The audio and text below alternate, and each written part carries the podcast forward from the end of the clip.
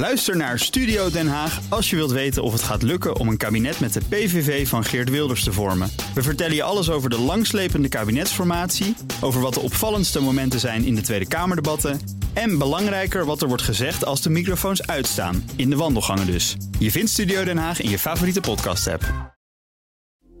Dit is een BNR podcast. The ladies not for turning.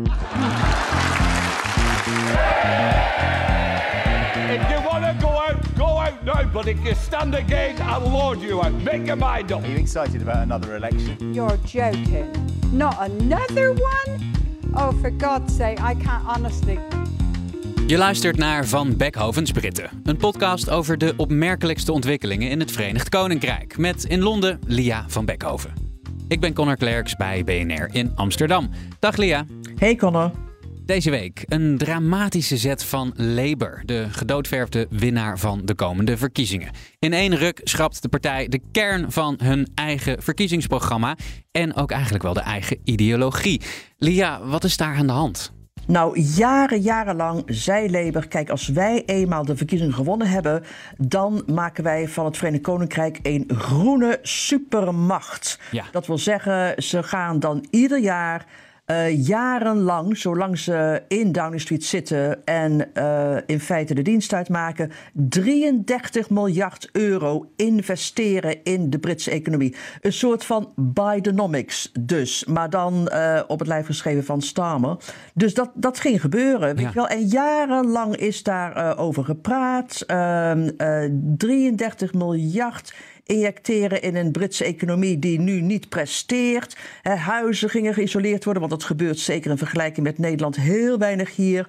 Eh, groene energie, meer windmolens, beter openbaar vervoer. Dus Labour zou op die manier de klimaatdoelen eh, bereiken en het hele land verduurzamen. Ja. En toen, vorige week, was het ineens klaar en eh, werd er de stop uitgehaald. Waarom? Aha, waarom? Ik denk dat vanaf het eerste moment, ik geloof in 2021, bijna drie jaar geleden, dat Labour daar voor het eerst mee kwam, ja, eh, was er al kritiek. Ehm, en ik denk wat ook meespeelt, was er kritiek. Ik bedoel, eh, natuurlijk de conservatieve pers, maar ook conservatieven en mensen binnen de eigen partij die zeiden: Nou, het is allemaal wat, wat, wat erg veel, zeg. 33 miljard, hallo, waar haal je dat vandaan? En wat speelt is dat als je het, het hebt over verkiezingscampagnes, dan hebben de Britten de merkwaardige gewoonte dat, dat alles wat je als partij presenteert, dat moet berekend zijn. Dat moet kloppen. Dat Ja. moet binnen de fiscale regels vallen. En tot achter de komma, echt moet het dicht zijn, waterdicht zijn. Dus de kritiek was, de leningen zijn, want Labour wilde lenen, hè, 33 miljard lenen. Die leningen zijn te wild, ze zijn te hoog. Eh, daarmee vergroot je de staatsschulden. Niet alleen, het zal leiden tot hoge inflatie en weer tot belastingverhoging en zo. Dus ik denk dat dat meespeelde. Plus, ehm, zei Labour, kijk, wij hebben net gezien eh, hoe de economie ervoor staat. En wij denken dat de conservatieven de economie in een vreselijke situatie nog erger dan wij vermoeden achterlaat. En dat betekent dat wij ook niet de ruimte hebben om zoveel te investeren. Ehm, dus, en ik denk, weet je nog van Liz Truss? Eh, Ja. Wanneer was het? Een jaar geleden, ruim een jaar geleden. Hè, de, de, de, de persoon die 48 dagen of zo premier was. Zij werd teruggefloten door de Engelse bank. Ja. Dat ze ook met allerlei grootse wilde plannen kwam. Hè, eh, en daarmee de Britse economie de afgrond in dreigde te storten. En ik denk dat dat ook het, het, het denken veranderde in de Labour-partij. Dat Labour dacht van het is beter om niet radicaal te zijn. Het is beter om de kiezers gerust te stellen. Ja. Dus in plaats van 33 miljard... eh, is dat bedrag nu naar beneden geschroefd en zal Labour nu 5 miljard euro per jaar investeren. Ja, dat is nogal wat. Dat is eh, drie kwart eraf. Maar eh, wat ik niet zo goed begrijp is, kijk, als dit nou, kijk, Liz Truss, Mhm. die, die zat in, in Downing Street, die was aan de macht, die moest met dit soort plannen komen. Maar Labour is de oppositiepartij. Waarom zeggen ze dan niet gewoon, wij gaan zoveel mogelijk investeren in, in, in de groene transitie bijvoorbeeld, in plaats van dat ze daar zo'n specifiek bedrag op plakken waar ze dan nu op terug moeten komen? Precies. Volgens sommigen is dat inderdaad waar Labour de fout inging. Door zich zo specifiek op te hangen aan één bedrag. Dat was het probleem. Ja. En ja, dat had Labour misschien niet moeten doen. Maar kijk, zij zeiden eh, destijds: eh, we denken de ruimte te hebben om 33 miljard eh, te investeren. En de berekening was ook dat als je als overheid hè, een duidelijk afgesproken bedrag jaar in jaar uit investeert, dan genereert dat twee keer zoveel geld van de privésector. Ja. En dan pas wordt het echt interessant. En dan kun je gaan praten over verduurzamen. Dus, eh, eh, over, en over een kans om de hele publieke sector, die zoals je weet nu op de knieën ligt, om die omhoog te trekken.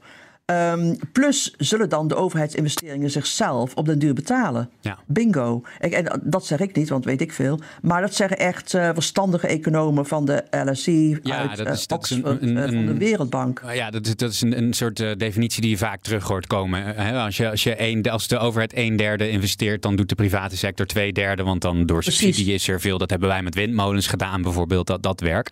Maar om het geloofwaardig te maken, moet je daar dan een bedrag, een prijskaartje aan hangen. Dat vond in ieder geval Labour. Ja. Dus ehm, ja, en dat, dat vonden ook veel mensen, zelfs dus in de economische sector. En ja, overal regenbogen, zal ik maar zeggen. Ja, Lammetjes in de wei, rust en orde, paradijs. en Starmer die zegt nu, eh, kort samengevat, ik wil me niet richten op een getal, maar op de uitkomst van het groene beleid. De, de beste uitkomst. Is, is daar iets voor te zeggen? Eh, eigenlijk, eigenlijk had hij dat oorspronkelijk moeten zeggen natuurlijk. Maar hoe, hoe valt dat nu, is misschien een betere vraag.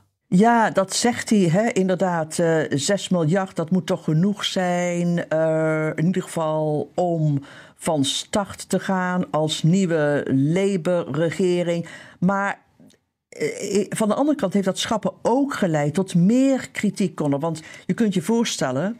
ehm, Economisch is het volgens sommigen niet slim en voor het klimaat al helemaal niet en zeker nu. Ehm, maar mensen vragen zich ook af waar staat de, de, de Labour-partij sorry, nu wel voor? Hè, als je niet vreselijk veel anders doet dan de conservatieven. Ehm, dat, dat zijn natuurlijk de tegenargumenten. Dat, dat juist nu met eh, klimaatopwarming, juist nu met de kwakkelende economie, zo'n plan voor grote investeringen meer dan ooit nodig is. En als je kijkt naar wat Biden gedaan heeft, dan, dan is dat inderdaad ook eh, meer dan rendabel.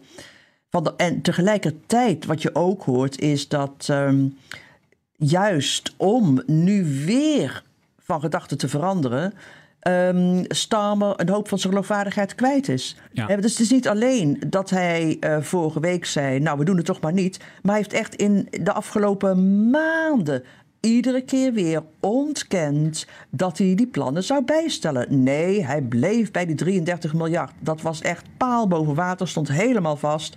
Ehm, wet van mede en persen, daar werd niet aan getornd.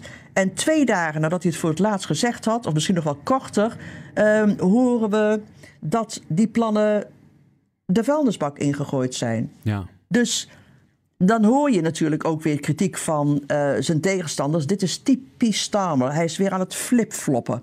Iedere keer van gedachten veranderd. En is dat een vreemde kritiek? Nou, ik heb even voor je opgezocht waar ehm Starmer allemaal van gedachten over veranderd is.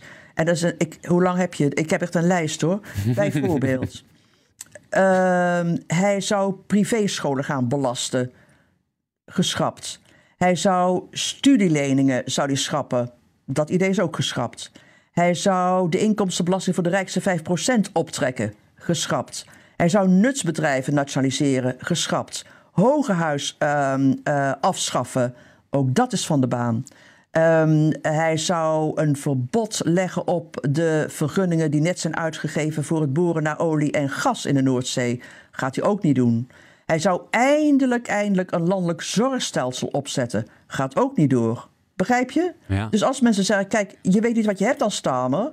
Iedere keer ver- verandert hij van mening. Ja, dan kan ik me wel voorstellen wat ze, daar, eh, bij, eh, wat ze daarmee bedoelen. Ja, ja, ja. Aan de andere kant, eh, de huidige premier Rishi Sunak... die vindt zichzelf elke drie maanden ongeveer opnieuw uit... met een heel nieuw personage bijna. Hè? Dan is hij de vernieuwer en dan is hij weer de, de vaste hand... die niet zoveel gaat veranderen. Zonder specifiek te zijn op wat hij wel en niet anders gaat doen. Nou ja, En misschien is dat handig. Misschien ook dat. ehm, eh, ja, dat, dat, dat het genoeg is, en daar schijnt Labour op af te stevenen, dat het genoeg is om gewoon competent te zijn. Hè, competente conservatieven. Begrijp je? Hetzelfde als het Tories, maar competenter. Misschien is dat voldoende. Misschien uh, uh, win je daarmee kiezers. Ik weet het niet. In mijn omgeving hoor ik mensen twee dingen zeggen. Ik hoor ze zeggen: waarom zou ik nu nog op Labour stemmen? ze zijn echt net als de conservatieven. Er is geen spel tussen die twee te krijgen. Er zit geen vleupenpapiertje tussen. Waar staat Labour voor? Maar ook Um, als ik, ik was het weekend op het, uh, op het platteland uh, in Devon. Dat is uh, Noord, Zuidwest Engeland. Heel conservatief gebied. Tenminste, dat deel waar ik was. Veel boeren ook, die trouwens ook voortdurend zeiden hoe teleurgesteld ze waren over Brexit en zo. En mijn indruk was dat die mensen, vooral die landbouwers die zo teleurgesteld zijn in Brexit en die om die reden, omdat ze destijds ook in Brexit geloofden, op de conservatieve stemmen, echt op zoek zijn naar een reden om op Labour te stemmen. Ja. Maar er geen, geen kunnen vinden. Ja, maar dat is een beetje de, de, We hebben het er wel vaker over gehad uh, het afgelopen jaar. Hè. Dat, is, dat is waar Starmer natuurlijk een mm. beetje in, in, in een spagaat uh, zit. Want ja, op dit moment, als je kijkt naar de peilingen, volgens mij is het nog altijd uh, een kwestie van uh, geen gekke dingen doen. En dan wint hij een gigantische uh, slag op de conservatieven. Hij, hij, staat echt heel ver voor in de peilingen.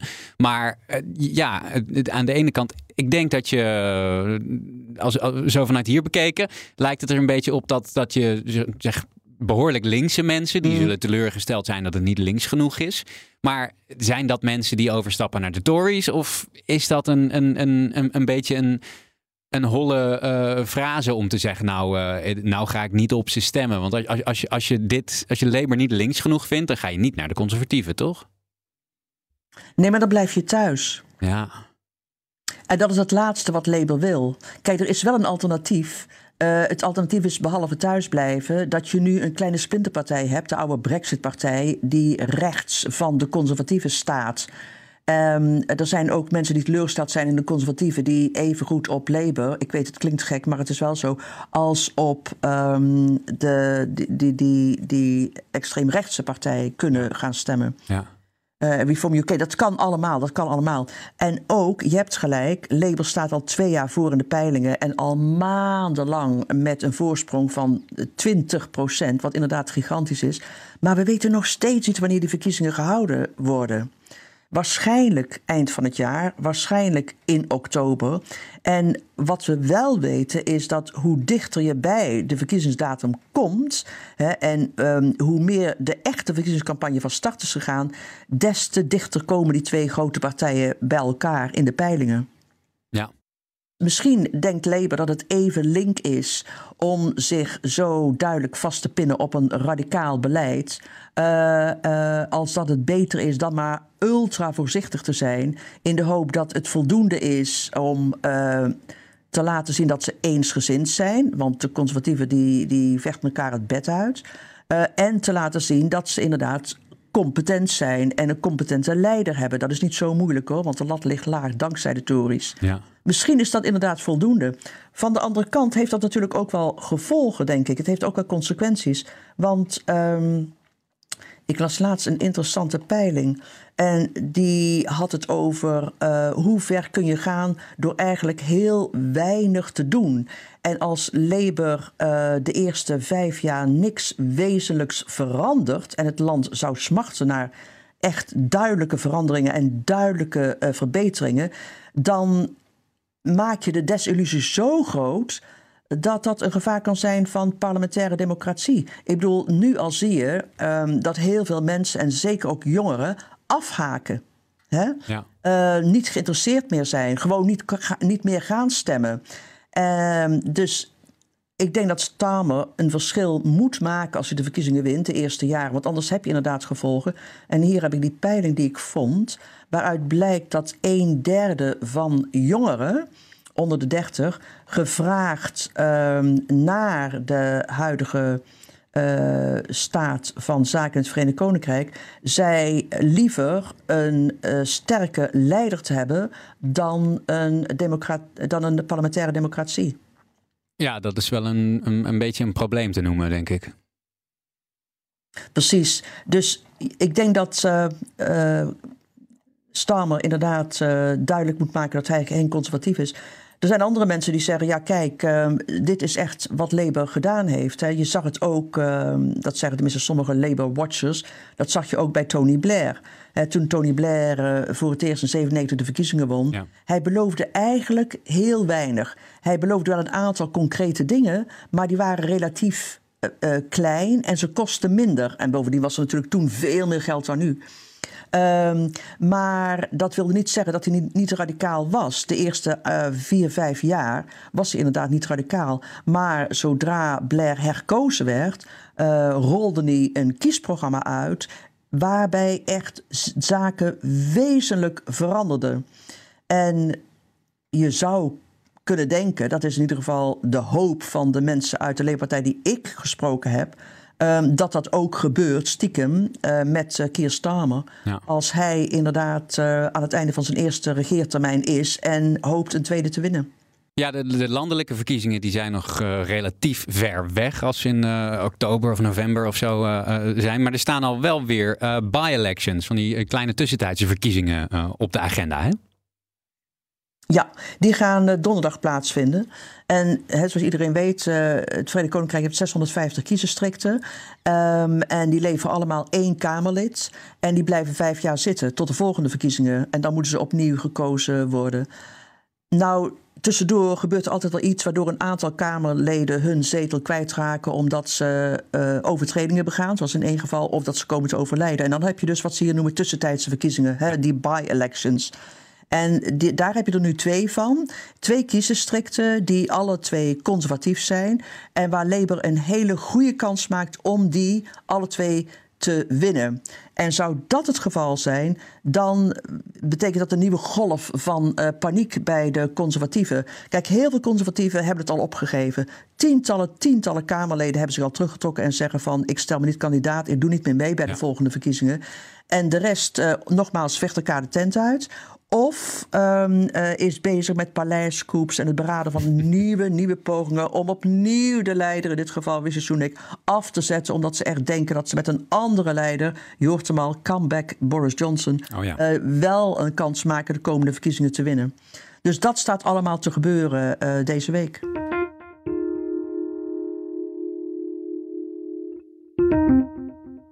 Zometeen praten we verder over Charles, Kate, Harry en William, de Royals, medische perikelen en verstoorde verhoudingen. Nu eerst een korte break.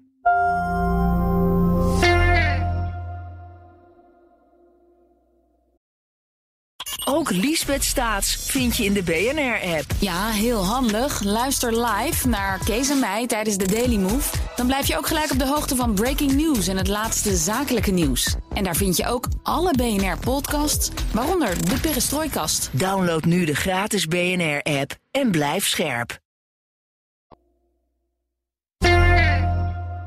Lia, het is uh, tijd om het weer eens over de Royals te hebben. Want er is een hoop aan de hand. Koning Charles die heeft kanker. We weten niet wat voor kanker. Kate Middleton die is ook ziek. Dat is ook een beetje mysterieus. En Harry, uh, de verloren zoon, die was in het VK.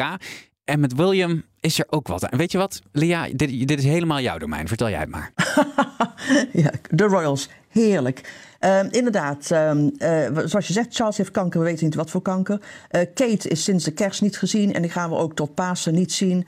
En William komt niet opdraven om de taken die nu uh, niet gedaan worden, om die te doen. Dus dat alles, ik wil maar zeggen, de Britse monarchie is fragieler hè, dan een maand geleden. Ja. Uh, iedereen verwachtte toen Charles eenmaal de troon betrad, toen zijn moeder uh, stierf in 2022, dat hij uh, lang en gezond zou regeren. En dat blijkt niet het geval. Maar het rare is, daarover wordt niet gepraat in de Britse pers. Hmm. Dus helemaal niet over de gevolgen hiervan. He, van het feit dat je William niet ziet. Die heeft echt laten weten, ik blijf bij Kate totdat ze beter is.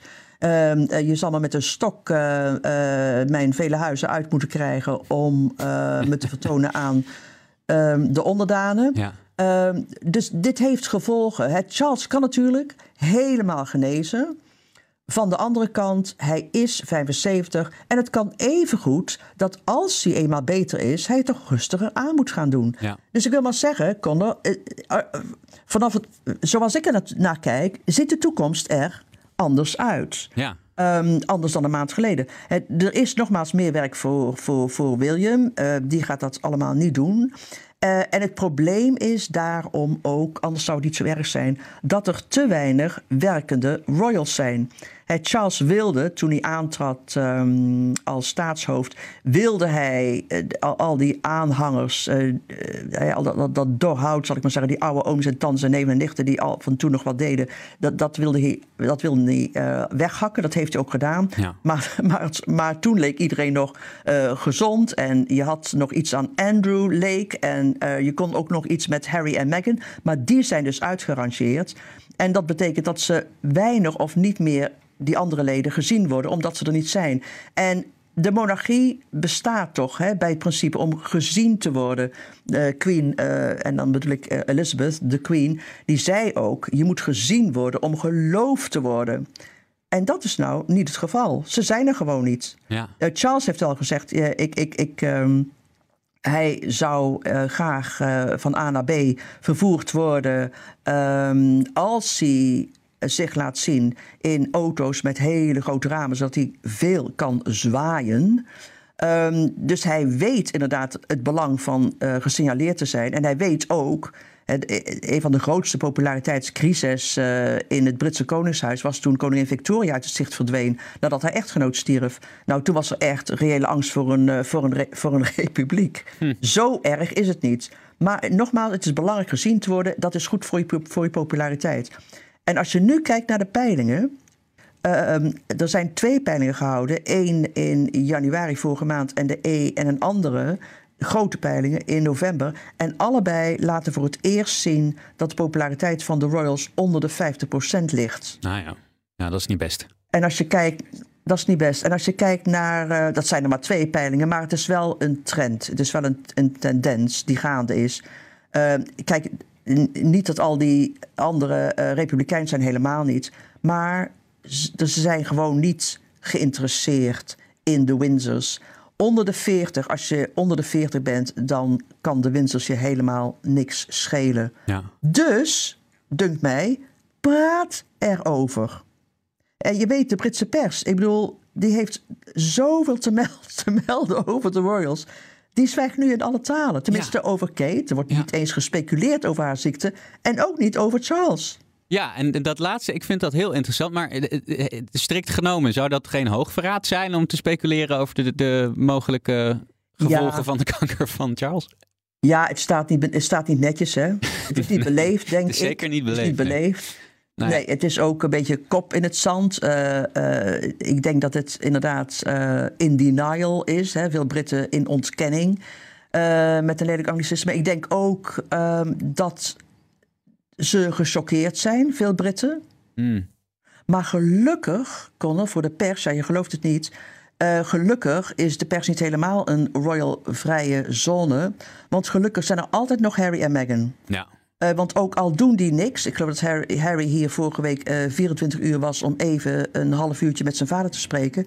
Maar ook al doen die helemaal niks. En zijn die duizenden kilometers ver van het Verenigd Koninkrijk. Er is echt meer dan genoeg haat om voortdurend over die twee te praten. ja, ik zag alweer headlines voorbij komen van een grote schoffering eh, en een schande voor het land dat hij eh, zijn zieke vader was komen bezoeken. Dat weten ze toch altijd weer mooi te Ook dat. Maar ik, precies, maar ik kan het nog sterker maken. Ik, ik had een aantal voorbeelden eh, opgezocht. En eh, vorige week alleen al ehm, hoorde ik Piers Morgan zeggen... als ik een zoon had als Harry... dan zou ik zijn ledematen uit zijn lijf trekken... en ze persoonlijk in een verbrandingsoven gooien. Die man Oké. heeft een eigen tv-show. Ja.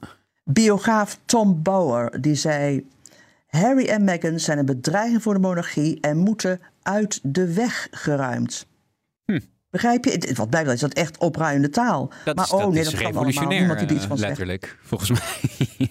Nou, ja, dat, twee dat- deskundigen deskundigen waarvan weet ik niet. Maar twee deskundigen die opkwamen draven in Britse tv-shows. En die suggereerden dat de kanker van Charles um, uh, waarschijnlijk veroorzaakt was door de zorgen die hij zich maakt over Harry. Dus het is allemaal. Wat erg. dus, ja, dat bedoel ik. Het is allemaal de schuld van Harry en Meghan. Ja. Ja, en toch is, is, het, is het dan alleen maar respect dat ze niet over Charles uh, uh, schrijven? Of heeft, heeft zoals de, de, heeft soort de, de, de, de voorlichtingsdienst van, uh, van Kensington Palace, hebben die de boel zo strak in de tang? Ja. Moet je je voorstellen, als, als, als Harry ziek was, dan hadden we volgens mij al bijvoorbeeld foto's van zijn blinde darm of zo op een voorpagina Tuurlijk. gezien. Precies, en dan hadden we zijn vrouw, hadden we foto's gehad van zijn vrouw die uit het ziekenhuis gereden werd. Ja. Nu allemaal niet. En ik denk, en gelukkig maar voor uh, William en Kate en voor uh, de koning en uh, Camilla. Gelukkig maar dat ze het inderdaad, zo lijkt het, op een akkoordje hebben kunnen gooien met de Britse pers. En gezegd hebben: kijk, wij werken mooi samen, altijd. We dat uh, alsjeblieft zo houden. Um, en uh, op voorwaarde dat jullie niet aan onze privacy komen. Hmm, wij ja. willen niet dat er uh, gepraat wordt over Kate. En wij willen niet dat je. Um, uh, voor de deur gaat liggen van de Middletons, bijvoorbeeld. Laat staan bij ons. Dus uh, hou je ver van ons vandaan. En ze hebben succes. Dat werkt. Dankjewel voor deze week, Lia. Graag gedaan. Tot volgende week.